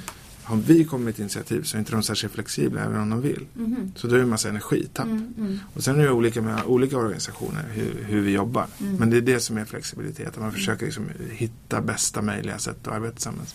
Och det där är inte i alla olika projekt. Det är olika med olika projekt. Men mm. ofta har det varit så. Att de mest lyckade samarbetena har kommit från dem. Mm. Som Mårten Spångberg gjorde i Lasse Bestans där. Mm. Eh, och det kom ju från Mårten och från Moderna Museet att vi skulle samarbeta. Ja. Och, och, eh, men sen så jobbar vi med som Turteatern i Kärrtorp till exempel. Mm. När vi tycker att det ligger, dels har vi olika publikgrupper som vi tror är intresserade av varandras grejer. Så mm. om vi lägger någonting där så kommer den publiken dit. Ehm, men, men också så har det att göra med, med, att ibland så vill vi göra saker som kanske inte är så upplysande för koreografifältet men som ligger närmare teater. Då är det mm. bättre att det kanske ligger där än att det ligger här. För det blir bara förvirrande. Det bygger inga förtroenden. Det bygger mest bara förvirring. Mm. Så, så, så, så beroende på vilken typ av samarbete. Men vi gör ganska mycket samarbeten. Men de allra flesta kommer från koreograferna själva. Alltså mm. de vill göra. Mm. Så vi hade Daniel Almgren Rysén här och han gjorde ett samarbete med Biologiska museet. Det kommer från, från honom. Liksom. Mm. Just det. Ja. Men vad har du lärt dig då längs med vägen? Eller så, vad har du tweakat på? Eller som du sa med målsättningar som du hade kanske som du har Ja, men jag, jag, det är fortfarande så att jag, alltså, vi har ju vissa konventioner, lärt mig, jag har lärt mig jättemycket förstås. Mm. Jag har ju aldrig tagit över en organisation förut till exempel. Och alla de förväntningar det innebär. Jag har ju alltid byggt allting från grunden. Det är ju svårare och lättare. Mm. Det är svårare eftersom det är svårt att finansiera nya saker. Och det är lättare eftersom du kommer med ett nytt förslag. Mm. Folk blir ju generellt sett bara glada då. Men om folk sitter på massa förväntningar över en historia. Mm. Det har man ju sett med vår ärade kritik på Dagens Nyheter. Han har ju gnällt jättemycket över vad vi har gjort genom åren och så. Mm. Eh, och det har ju att göra med att han har andra förväntningar på vad vi ska göra mm. än vad vi faktiskt gör. Och det är ungefär som att gå på, gå på Wimbledon och förvänta sig pingis. Alltså man blir ju jättebesviken. Liksom. Fast de så långt ifrån varandra. För. Mm. vet, mm. bara en sån sak. Och, och det, den, typen av, alltså, den typen av tankevurpor gör man är kopplat till för, för, förväntningar av någonting som var. Och också en ganska nostalgisk bild av vad som var. Varje år så avslutar vi året med en festival. Mm. Och i år är det ett speciellt år för eftersom Moderna Dansteatern, eh, stiftelsen Moderna Dansteatern, mm. fyller 30 år i år. Mm. Så det är ett jubileumsår ja, som vi firar på olika sätt. Eh, bland annat med den här boken, eh, mm. Postdans, men också med andra saker.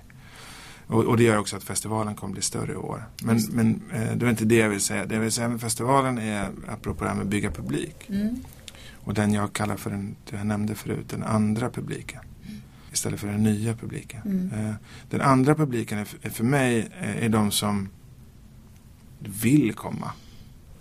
Jag har liksom en, en, definition av folk som är så här icke-publik. Alltså de som aktivt väljer att inte komma. Mm. De behöver man inte försöka övertyga att komma. Det känns ju taskigt. Men de här som inte kommer? Men de som känner att de vill liksom. Mm. Men de vet inte vad. Det är så jävla mycket hela mm. tiden. Det är ju mm. en sak som folk säger. Liksom. Ja. Hur ska man hänga med? Plus att man inte vet vad det är. Och ja. Vilken ska man välja av allting? Mm. Och, och en del är rädda för att gå. Det är så här, men jag vet inte. Tänk ja. om jag måste vara med på något ja. Eller... Ja. ja, men då vet jag inte Eller vad jag ska här, säga. Jag det, nej, precis. Eller så här, men jag tycker det är konstigt. Jag, vi har aldrig visat någonting som har tvingat någonting och vi har inte visat särskilt konstiga saker heller. Men då tänker jag att man har fördomar. Ja, eh, men det finns en oh ja. sak nu på er eh, lista här, nu tänkte jag säga, som, ja. där det innebär att du kan gå när du vill men du är också du är med på alla de villkor som ställs när du kommer in. Och det vet man inte vad det är. Eh, dead, heter den det?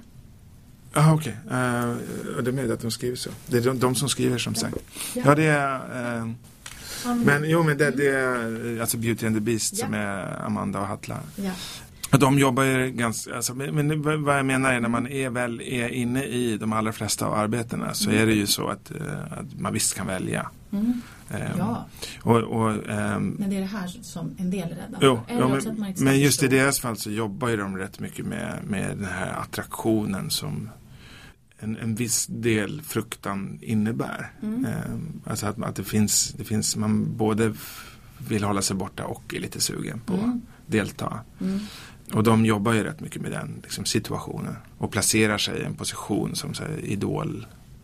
De är idoler. Eh, och sen så förutsätter de, det är också en feministisk attityd eftersom det ofta är män som beter sig på det sättet. De tar det rummet som är så här, men jag är självklar. Och ni ska alla liksom, förhålla er till mig. Mm. I det rummet de tar. Liksom. Och det är konventionskritiskt. Så det, det, det hör jag för. Men, jag kan också, men i, i relation till just rädsla så, så är det vissa som blir avskräckta och andra som blir attraherade av det. Och mm. Jag tänker att man kan inte liksom ändå tala till alla. Mm. Men har man nått folk så långt att de väljer att inte gå, då mm. tänker jag att man har nått ganska långt. Mm. För allra, allra, allra flesta om man tittar på Sveriges befolkning eh, har ju inte en aning om att vi existerar överhuvudtaget. Och liksom de allra flesta dansyttringar överhuvudtaget. Och har kanske fördomar också utan att för Men det har ju alla om allting. Det ja, måste precis. vi förutsätta att vi har. Det har ju liksom de flesta om fotbollsmatcher också. Jag går ju faktiskt på dem men jag har fortfarande inte sett någon som har slagit någon. att, men men, eh, men det, det, det, får man ju ofta när man liksom hör folk som eh, ropar högt på tunnelbanan och man känner sig rädd. Och, och mm. Eller man det ser väldigt många män i grupp som liksom känns hotfulla. Och så. Mm.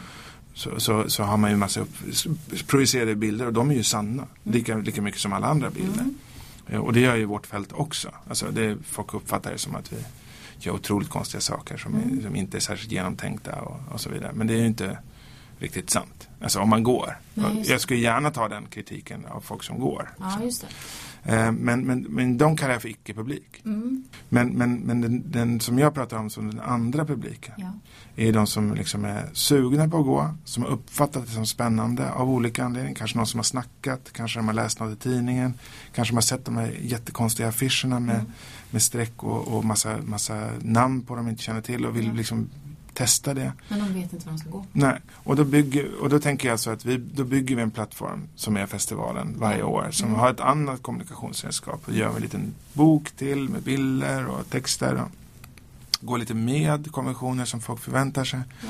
Och sen så gör vi också ett urval av, av föreställningar eh, till väldigt, väldigt bra priser som, där man kan gå på tre, fyra saker en dag. Mm. Så att man liksom kan få en kondenserad program. Mm. Normalt sett kan vi bara visa en i veckan för att folk håller på att jobba med det och sånt. Mm. Och vi, vi har inte mycket tid som helst. Så, så gör vi en situation om året där vi liksom kondenserar.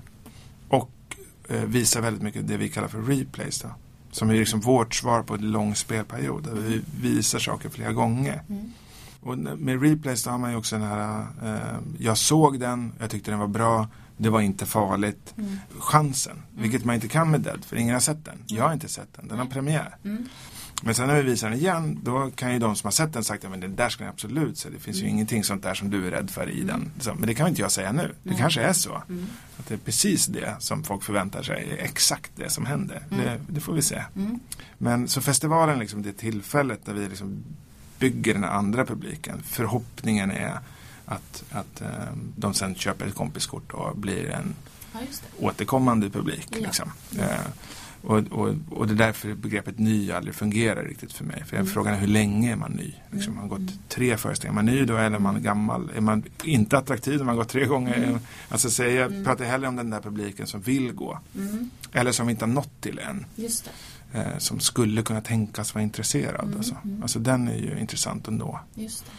Det. Men i vilket läge har ni då producerat den här? Ja, då när det lättade, lättade på, på mig, på min roll mm. i trycket liksom, på att ja. bygga allt det här. Mm. Um, så, så, så började jag tänka kring liksom, uh, det har vi inte heller pratat om, the place to be kallar vi oss ju. Nej, just det.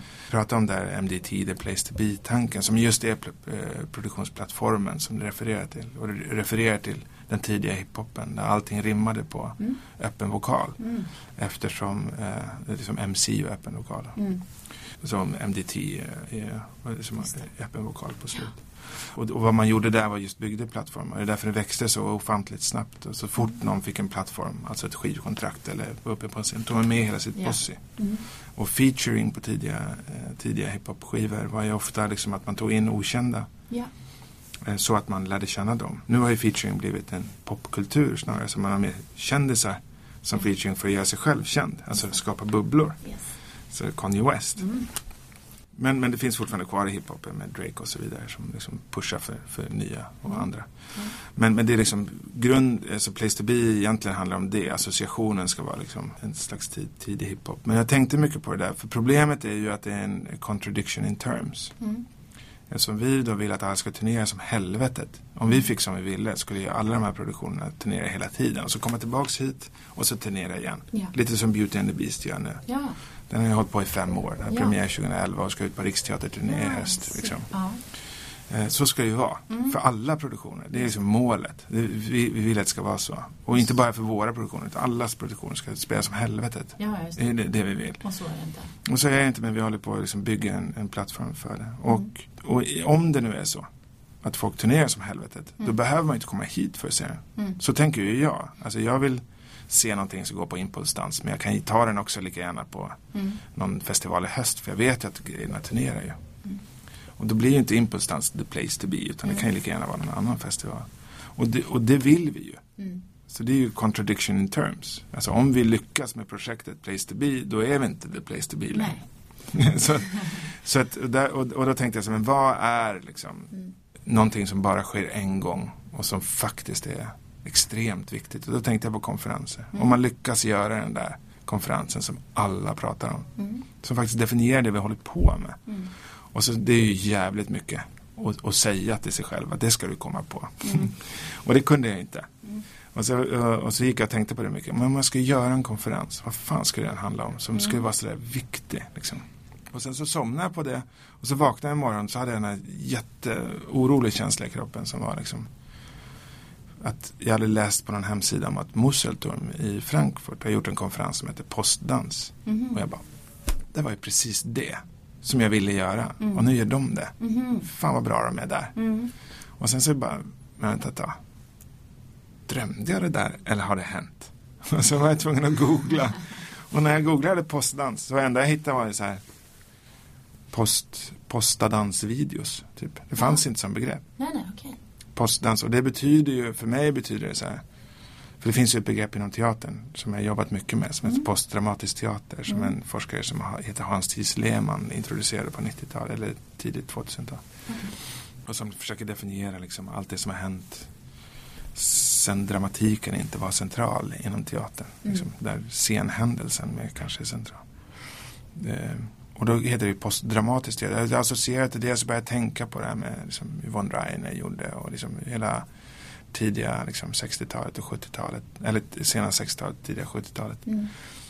Och där de liksom började liksom, prata om hjärnan, en muskel. Och, mm. Alltså det intellektuella sättet att, att angripa dansbegreppet. Då.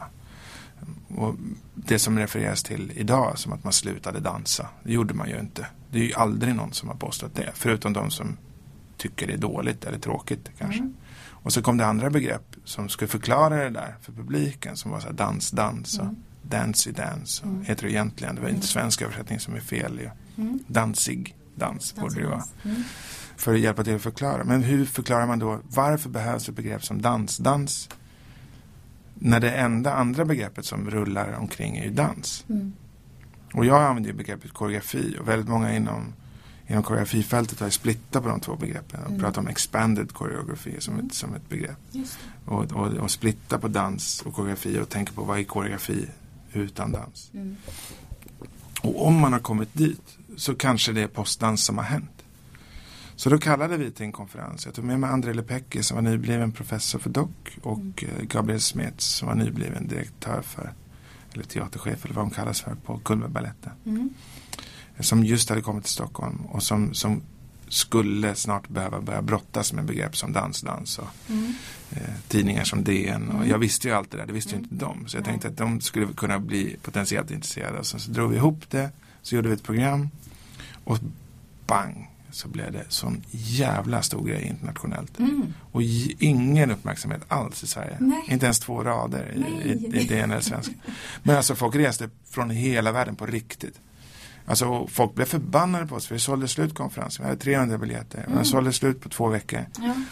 Eh, egentligen på en natt. För först ingenting, ingenting, ingenting. Och sen poff alla biljetter slut. Vi tror det var fel på hemsidan så, men det var bara slutsålt. Men hur kommer det sig att det var sånt tryck utifrån och inget här? Jo, nej men det var ett tryck här, men då var det communityn och dansvärlden och Cullbergbaletten och ja. väldigt, många dans, väldigt många dansare faktiskt. Men du menar media, eller du menar? Ja, alltså intresset var, alltså om jag pratar om som akademierna, mm. Noll intresse. Systemet fick mm. inga pengar för att göra det. Nej. nej från Kulturrådet två gånger, nej från Stockholms stad, nej från Carina Ari, nej från, liksom, nej från nej, alla, alla nej. Vad har du för förklaring till det? Jag vet inte riktigt. Jag, det finns massa olika förklaringar. Eh, den ena var för att vi hade med oss Dock och Cullbergbaletten och de är stora ekonomiska entiteter. Även fast det var vi som är en ganska liten organisation som drev. Mm så tror jag att de flesta tänkte att men, låt dem betala. Vilket ju är helt, om man vet någonting om hur institutionen fungerar så vet man att det ligger inga penningsäckar och skräpar i något hörn som kan slänga in. Eh, hur stora budgetar de än har. Mm. Eh, speciellt inte om det inte är ett eget initierat projekt. Så det är en förklaring. Men en annan förklaring är att jag tror att det är ett hotfullt begrepp. Och jag tror att väldigt många som var här var också i relation till det som mm. ett hotfullt begrepp. Alltså mm. de var så här, men jag måste vara där för att liksom typ försvara dansen och så. Mm. Vilket ju inte alls var vad som hände. Mm. Snarare tvärtom så frigjorde vi dansen. Och vi liksom, vad som händer är när man accepterar att postdansen har hänt. Alltså varför mm. dansar de inte i mm. dans? Mm. Eh, vilket de ju gör. Det beror på vilken definition av dans man har. Och så vidare. Men när man liksom går förbi den. Om man kommer förbi den enorma tröskeln som ingen kommer förbi. Som är det här. Men de dansar ju inte. Mm. Och så kan man prata om det. Mm. Pratar de eller pratar de inte? Och så är det definitionen av dans och så vidare. Om man kommer förbi den så öppnar sig ett jättelandskap av möjligheter. Mm. Som verkligen är dansen till gang. Mm. Så nästan tvärtom är vad Yvonne Reiner och Judson Church-gänget liksom deras förslag är ju en frigörelse av dansen. Precis som fotografiet var för konsten. Alltså man slapp hålla på och måla av verkligheten som den såg ut. Eftersom det fanns en annan möjlighet att göra det som var mycket mer effektiv. Och det öppnar ju för alla ismerna. Och där står vi idag inför i dansen. Ska mm. jag säga. Vi står inför en, och det är inte tack vare postdans. Postdans är ju tvärtom. Men du menar att ni har lyft det med det här? Ja, vad vi har gjort i det här är att vi liksom satt ett ord på det. Mm. Och det ordet exploderade.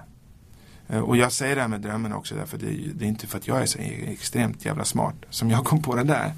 Utan det, var, det behövdes. Det var ett ord som redan fanns. Mm. Alltså folk vet vad det är utan att veta vad det är. Mm. Så vi gjorde en konferens då som jag kallar för bakvänd konferens. Mm. Som är att vi hade inget ord för, att beskriva för folk. Nej. Vi hade ett ord för folk att komma och fylla i. Och sen så, så gjorde vi en massa bra samtal och sånt. Och sen så två år senare så har vi gett ut en bok. Ja, och det är den. Det är en svart ja, pocket. Som vi då sprider och då är det delvis saker från konferensen mm. och delvis saker som folk har skrivit efter eftersom det jobbar i någon slags framtid. Med, med väldigt mycket både svenska och internationella jätte, jätte intressanta namn. Både superetablerade mm. Eh, och eh, sådana som är helt oetablerade. Mm. Eh, I en, en salig blandning. Liksom, försöka hålla bredd. Och, och den släpper vi genom releaser. Vi har gjort en release här. Så nu kan man bara komma hit. Den är gratis, boken. Ja, och vi säljer den inte någonstans. Nej, så den okay. finns inte att köpa. Ah, så man kan komma och hämta den? Man kommer bara hämta den på MDT. Ja, och då har man stora fördelar om man har om man kopplar in till Stockholm. För då kan man bara komma och hämta. Internationellt sett så gör vi releaser. Vi ja. åker runt och, och ger bort böcker. Okay. Och det ska vi göra nu i Köpenhamn i veckan. Och sen så kommer vi göra i Aten. Och vi kommer göra i London. Vi kommer göra i Glasgow. Vi kommer göra liksom lite ja. överallt. Okay. Tills de här 2000 böckerna i första omgången är slut. Och sen ska vi försöka hitta finansiering. Som du mm. hör är inte helt lätt. Nej. Det här har vi fått finansierat via Cullbergbaletten faktiskt. Fråga. Ja. Ja, okay. Så det har vi inte fått, det har vi liksom inte sökt och fått pengar. Utan Nej. det går via ett europeiskt nätverk som de är med, med i. Okay. Och så finansierar de boken. Just det. Eh, och så, så vill jag trycka den igen och då måste jag hitta en ny finansiering. Liksom. Just det. Men det måste ändå finnas något tillfälle när du inte tycker att någonting är dans? Ja, alltså jag tycker, eller jag tycker inte det är en så intressant fråga. Men för mig är det så här, jag jobbar med konstnärer. Mm. Och MDT som plattform jobbar med koreografer. Mm. Koreografer är utbildade i att tänka kring konventionen dans. Eh, och oftast hållit på större delen av sitt liv med att tänka kring det begreppet. Mm. Och sen vilket uttryck det blir mm. är jag ganska ointresserad av. Jag är intresserad av vad, vad konstnären har för urgency. Så vad är det som är viktigt mm. och varför? Mm. För den konstnären. Och, och, om man inte har urgency i relation till någonting annat än att tänka på begreppet dans kan jag tycka att det blir lite liksom, inåtvänt och tråkigt. Jag är mm. mer intresserad av liksom, placera dansen i relation till massor med andra saker. Mm. Eh, och för mig personligen när det liksom sitter som bäst i när vi liksom kritiserar saker utanför dansen. Mm. Via dansen. För det kan jag tycka är extremt effektivt liksom, som verktyg. Mm. Eh, men det är jag personligen. Och jag opererar inte så jävla mycket med smak. Mm. Jag jobbar med urgency. Jag försöker identifiera folk som har viktiga saker. Det. Och det har blivit utifrån mitt perspektiv sett väldigt många feminister. Mm. Eftersom det är en extremt viktig fråga och där Sverige är en väldigt, om man tittar internationellt sett, för det är ju lätt att man i Sverige tänker PK-landet bla bla bla mm. som vi blir utsatta för mycket. Mm. Men om man tittar på internationellt sett så finns det väl ingen tid i historien där, där feminismen har varit viktigare än kanske just nu. Mm. Och där Sverige är kanske den bästa plattformen att stå på. Mm. Och kanske till och med Stockholm. Det låter ju bra. Och då är det, vore ju det är en extrem urgency skulle jag säga då. Mm. Alltså i relation till bara göra ett program med fler konstiga, konstnärliga utövare av andra kön än det manliga. Mm. Så, så, så um, och, och liksom heteronormativa system liksom, som jag själv är en del av ju och så måste identifiera, som brottas med ju. Ja. Vilket ju är vår uppgift. Men, men, men äh, det har liksom blivit, alltså om man, om man utgår från urgency så är det ju otroligt svårt att gå förbi. Alltså, mm. Den typen av, av tankesystem, tänker jag. Och det är väldigt sällan man hamnar i manlig koreograf som ska fundera på sitt liv. Liksom. Mm. Det, det, känns inte så, så himla viktigt, kan jag tycka, idag. Mm. Okay. Du, jag har två frågor till dig. Mm. Eh, dansar du själv? Eh, det beror på hur du definierar dans. Ja, är jag koreograf? Det hade varit en bättre fråga. nej, Alla dansar. Nej, alla människor dansar. Vi är dansande. Eh, jag tror jag, jag skulle nästan vilja inkludera alla djur i det också. Det är nog det så jag är ute efter. Ja, så alltså, det, det, så det tror jag. dansar på dansgolvet eller typ? Ja, ja, precis. Men jag är inte konstnär, jag är inte koreograf. Nej, du koreograferar inte dans, men du dansar? Nej, jag är mer curator då i sådana fall. Mm. Uh, men ja, absolut. Mm, Och så framtidens dans. Vad, vad känner du liksom? Ja, just det här, just nu ska jag säga. Alltså om man tittar på bara danshistorien rent tekniskt. Mm. Alltså vad, vad folk gått igenom. Eh, mm. Och det är ju massa saker, alltid parallella saker. Det är ju, historieskrivning är ju extremt komplext ju. Mm. Men vad tror du finns där bortom? Men för, för mig är alltså det som har hänt är liksom, det är en ganska standard, eh, om man utgår från, från dansbegreppet som den klassiska balletten mm. och, och sen olika former av kritik mm. på den genom historien. Som är extremt trångsynt sätt att, att förhålla sig till dans ju. Eh, I alla fall professionell dans ska vi prata om då. Alltså, eh, mm. Och, eh, och det som har hänt nu utifrån mitt sätt att se att vi kom till någon slags på ett vis vägs ände med, med postdans. Mm. Alltså med det som då av eh, olika människor kallas för konceptuell koreografi. Mm. Som ju är ett väldigt problematiskt. Om man, om man har någon koll på konsthistorien så vet man att konceptuell konst är någonting helt annat än konceptuell koreografi. Så mm. det är en slags slap in the face på alla de konstnärer som har jobbat det är ett liv med konceptuell konst. Mm. Och säger bara för att man liksom håller sig till en idé, ett stycke, så är det plötsligt konceptuellt. Det är inte så begreppet fungerar. Det är snarare att man inte skulle dansa då, om det skulle vara konceptuellt. Om du, tänker på Yoko Onos. Mm. Så då, vad man gjorde var precis som man gjort inom konsten. Att man liksom nermonterade dansbegreppet. Mm. På olika sätt. I relation till den klassiska baletten. Eh, och 60-talet var liksom en vändpunkt och, och mm. en viktig, viktigt ställe. Och sen så har vi liksom via det gått in i det som sen då kallas för konceptuella koreografin. Eh, och så skulle jag vilja peka på, att, och det är just stört egofixerat. Men jag pekar på begreppet postdans som en slags vändpunkt igen. Mm. Där, där, eh, där man igen använder begreppet dans. Mm. För konceptuell koreografi innehåller inte begreppet dans. Men, där, men postdans är en slags eh, efterdansen. Och vad, vad, vad jag skulle vilja säga för framtiden, vad det innebär för framtiden är, och det tycker jag mig se väldigt många konstnärer idag hålla på med, är en slags omdefinition av Alltså om du tänker så här, om, om jag tar dansen och koreografin. Mm. Det var ju mycket det med det de satte igång med. Splitta på de två begreppen och titta på koreografin som någonting i sig själv. Vad kan det producera? Mm. Men om vi då, då tittar man, jag då gör en, en handrörelse till vänster och en till höger. Så tittar ja. man på dansen, så tittar man på koreografin och så ser, hamnar vi i blicken på koreografin. Mm. Men vad som händer nu, att vi nu vänder ans, eh, blicken till vänster. Mm. Men vad är dansen utom koreografin? Ja. Och vad skulle den kunna vara potentiellt? Mm. Alltså inte bara liksom, kontaktimpro, alltså de här enkla svaren. Utan men vad, alltså, rent filosofiskt, vad är den och varför är den? Mm. Tänker jag är det som liksom engagerar folk nu. Och där postdansen blir liksom en slags äh, öppning för det tankesystemet. Så det är snarare en, alltså frigöra dansbegreppet från koreografin. Men inte säga att det är två olika saker. Nej. Vi har ju sagt här på MDT hela tiden fram till nu och kanske vi ska ändra det. Jag har sagt så här, vi jobbar med koreografer. Som, har, som arbetar med koreografiska projekt. Mm. Ibland dansas det. Mm. Så har jag liksom försökt förklara. Mm. Och nu vet jag inte, kanske jag måste tänka om den struktureringen. Mm. Det låter bra. Det, det får bli avslutningsorden här. Ja. Jag pratar mycket. Ja. Tack eh, för din tid. Tack för din tid. Yes, yes, yes. Du har lyssnat igenom avsnitt 40 utav Danspodden Isadora och nu så vill jag och vi tacka dig för det. Vad kul att du lyssnar. Kanske är du redan en sån här hängiven dansåskådare som springer på det mesta.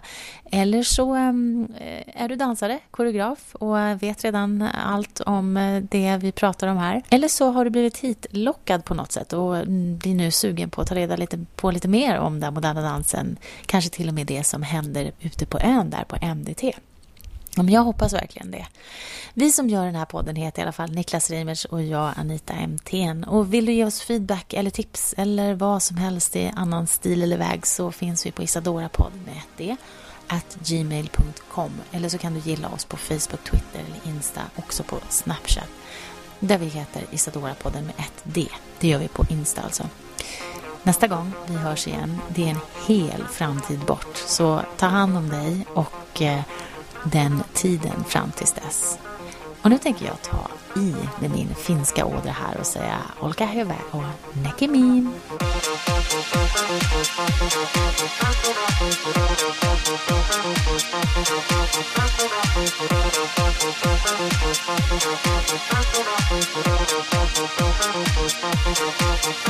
Thank